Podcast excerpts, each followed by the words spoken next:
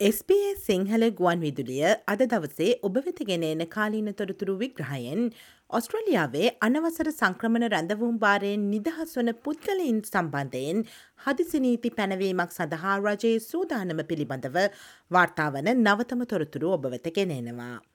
සාපරාධී අපරාධ සඳහා වරදකරුවන් වූ පුද්ගලයින් ගණනාවක් ඇතුළුව සංක්‍රමණකයින් අසූ එක් දෙනෙකු අනවසර සංක්‍රමණ රැඳවුම් භාරයෙන් නිදහස් කිරීමට ඔස්ට්‍රලයානු මධ්‍යම රජයගත් තීරණය සම්බන්ධයෙන් විපක්ෂයෙන් දැඩි පීඩනයක් එල්ල කරනු ලබනවා. ඉදිරි දිනවලදී මේ සම්බන්ධයෙන් හදිසි නීති සම්පාදනය කිරීමට සැලසුම් කර ඇති බව කම්කරු රජය විසින් තහවුරු කර තිබෙනවා. මේ සම්බන්ධයෙන් වැඩිදුර තොරතුරු අද දවසේ කාලීන තොරතුරු විග්‍රහයෙන්. නීති විරෝධී ලෙස මෙරටට පැමිණි සංක්‍රමණකින් අසුවෙක් දෙනෙකු අනවසර සංක්‍රමණ රැඳවුම් භාරයෙන් නිදහස් කිරීමට රජය කටයුතු කිරීම සම්බන්ධයෙන් ෆෙඩරල් විපක්ෂයෙන් දැඩි පීඩනයක් එල්ල වෙනවා. ඒ අනුව ඔස්ට්‍රලයානු කම්කරු රාජය විසින් මේ සම්බන්ධයෙන් මේ සතියේදී හදිසි නීති සම්පාදනය කිරීමට සූදානම් වනවා. දිනනියමයක් නොමැතිව අනවසර සංක්‍රමිණිකයින් රඳවා තබා ගැනීම නීති විරෝධී බවට පසුගිය නොවම්බර් අටවැනිදා ඔස්ට්‍රලයානු මහාධිකරණය ලබාදුන් තීන්දුවකට අනුව එසේ රඳවා තබාගත් සංක්‍රමිණිකෙන් පිරිසක් නිදහස් කරනු ලැබවා. ළමාලිංගිකා ප්‍රයෝජන සඳහා සාපරාධී වරදකට වැරදිකරුවීම හේතුවෙන් කිසිදු රටක් ඔහුව නැවත පදිංචි නොකරන බැවින් ජීවිතාන්තය දක්වා ඕස්ට්‍රලියාවේ අනවසර සංක්‍රමණ රැඳවුම් භාරයේ රඳවා තබා ගැනීමකට මුහුණදී සිටි මියන්මාරයේ සිට මෙරටට පැමිණි රොහින් ගිව් ජාතික පුද්ගලයකුගේ වසර විස්සක පැරණි නඩිතුයින්දුව ආපසු හැරවීමේ තීන්දුවක් ඔස්ට්‍රලයානු මහාධිකරණය විසින් පසු කියදා ලබා දුන්නා. මේ සම්බන්ධයෙන් නීති සම්පාදනය කර සම්මත වන තෙක් පාර්ලිමේන්තු සභා දෙකම දිනපතා රැස්විය යුතු බවට විපක්ෂය සිදු කළ ඉල්ලීම් වලින් පසුව හදිසි නීති සම්පාදනය කිරීමට කම්කරු රජය සැලසුම් කොට තිබෙනවා. ඉදිරි දිනවලදී මේ සම්බන්ධයෙන් නීති සම්පාදනය කිරීමට රජය බලාපොරොත්තු වන බව විදේශ ඇමතිනී පෙනී වොං විසින් තහවුරු කර තිබෙනවා.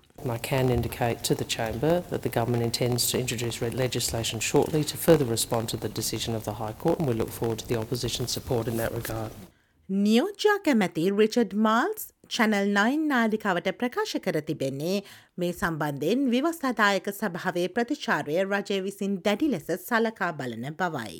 All of these people are now on bridging visas right mm. now um, with strict conditions being placed upon them. So I don't want people to have a sense that um, they're able to uh, operate with, with the kind of freedom that you and I can. There are strict conditions which are being applied to them. We know where they all are, uh, but we're not stopping there, is the point I'm really trying to make. And mm. we are looking at what other options are available to us here, um, and that includes legislative options. මහාධිකරණ තීන්දුව සම්බන්ධයෙන් රජය ක්‍රියා කරන ආකාරය පිළිබඳ පිළිබඳව පාර්ලිමෙන්තුවේ පැවති දැඩි විවාදයකින් අනතුරුව කම්කරු රජය විසින් මෙම පියවර ගෙන තිබෙනවා.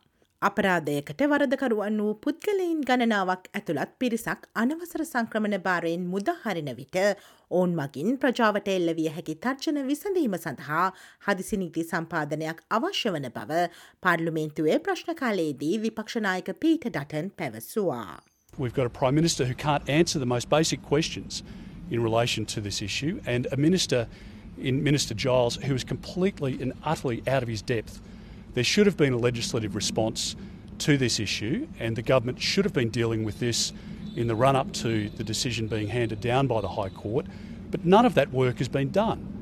ඔවුන් නිදහස් කිරීමට පෙර රජය නීති සම්පාදනය කිරීමට සූදානම්ව සිටිය යුතු බවද ඩටන් මහතා එහිදී අවධාරණය කළා. එහෙත් මෙම අධිකරණ තීන්දුව සඳහා සම්පූර්ණ හේතු තවමත් ලබාදී නොමැති බවත් මෙම තොරතුරු නොමැතිව සිදු කරන ඕනෑම නීති සම්පාදනයක් අකාරයක්ෂමවීමේ අවධානමක් ඇති බව ඔස්ට්‍රලයානු මධ්‍යම රජයේ නියෝචාකමැති මාල්ස් විසින් පෙන්වා දෙනවා. The High Court still hasn't actually given the full judgment. Um, so the precise reasons for the High Court's decision is not out there. And, and clearly, we, what we want to do is in any step that we now take, it needs to be legally robust. There's no point in walking, walking down a path which then gets knocked over again by the High Court. අනවසර සංක්‍රමණයකෙන් නිදහස් කිරීමට පෙර රජය විසින් නීති සම්පාධනය කළ යුතුව තිබූ බවට සිදු කළ ප්‍රකාශය ස්වදේශ කටයුතු ඇමතිනි ක්ලයා ඔනීල් විසින්ද ප්‍රතික්ෂේප කළා. විපක්ෂයේ මෙම ප්‍රකාශ මූලික වශයෙන් නොමගය වන සුඩු බව අමාත්‍යවරිය විසින් චැනල් 7 වෙත පවසා තිබෙනවා. Uh, the idea that it is open to the Australian government to simply legislate away a High Court decision is not how our Constitution works. And Jane, I hope to God, actually understands that. මෙම අනවසර සංක්‍රමණ රැඳවියන් නිදහස් කිරීමේ අවධානම කළමනාකරණය කිරීමේ ඔස්ට්‍රලයානු federal පොලිසිය සහ දේශසීමා බලකාය විසින් මෙහෙවනු ලබන ඒකාබද්ධ මෙහෙයුමකදී ප්‍රජාරක්ෂාව එහි ඉහළම ප්‍රමුඛතාවය ලෙස පවතින බව පවසමින් ඔනිල් මහත්මිය රජය දැක්වූ ප්‍රතිචාරය වෙනුවෙන් පෙනී සිටියා. We are releasing people under the strictest possible visa conditions. So this includes things like uh, more or less constant update to authorities about the location of people, in some instances in-person daily reporting to authorities.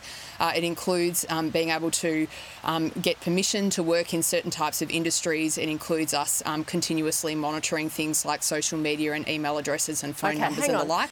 ඔස්ට්‍රලයානු පාර්ලිමේන්තුවේ නියෝජිත මන්ත්‍රී මණ්ඩලය සහ senate සභාව යන දෙකම නොවම්බර් දාසේවැනි බ්‍රහස්පතින්දා එනම් අද දින රැස්වන අතර සෙනත් සභාව නොවම්බර් දාහත්වනිදා එනම් හෙට දින රැස්වීමට නියමිතයි. ලිබරල් සන්ධානය විසින් මේ සඳහා ද්විපාර්ශික සහය පිළිබඳ පොරොන්දුවක් ලබා දෙන්නේ නම් මෙම සතිය තුළදීම මේ සම්බන්ධයෙන් පනතක් සම්මත කර ගැනීමට හැකිවනු ඇති. ඔස්ට්‍රලියාවේ කාලීන වශයෙන් වැදගත් වන තොරතුරු SBS සිංහල සේවේ විසින් දෛනිකව ගෙනෙන කාලීන තොරතුරු විග්‍රහයෙන් සජීව ලෙස අපි ඔබ වෙත ගෙනෙනවා. පසුව සවන් දෙන්න sbs.com.au ෆෝවඩ්/ සිංහල යන අපගේ වෙබ් අඩවියේ ඉහළ තීරුවේ ඇති මාතෘකා යන කොටස කලික් කොට කාලීන ලෙස නම් කොට ඇති වෙබ් පිටුවට පිවිසන්න. SBS SBS SBS SBS SBS SBS Radio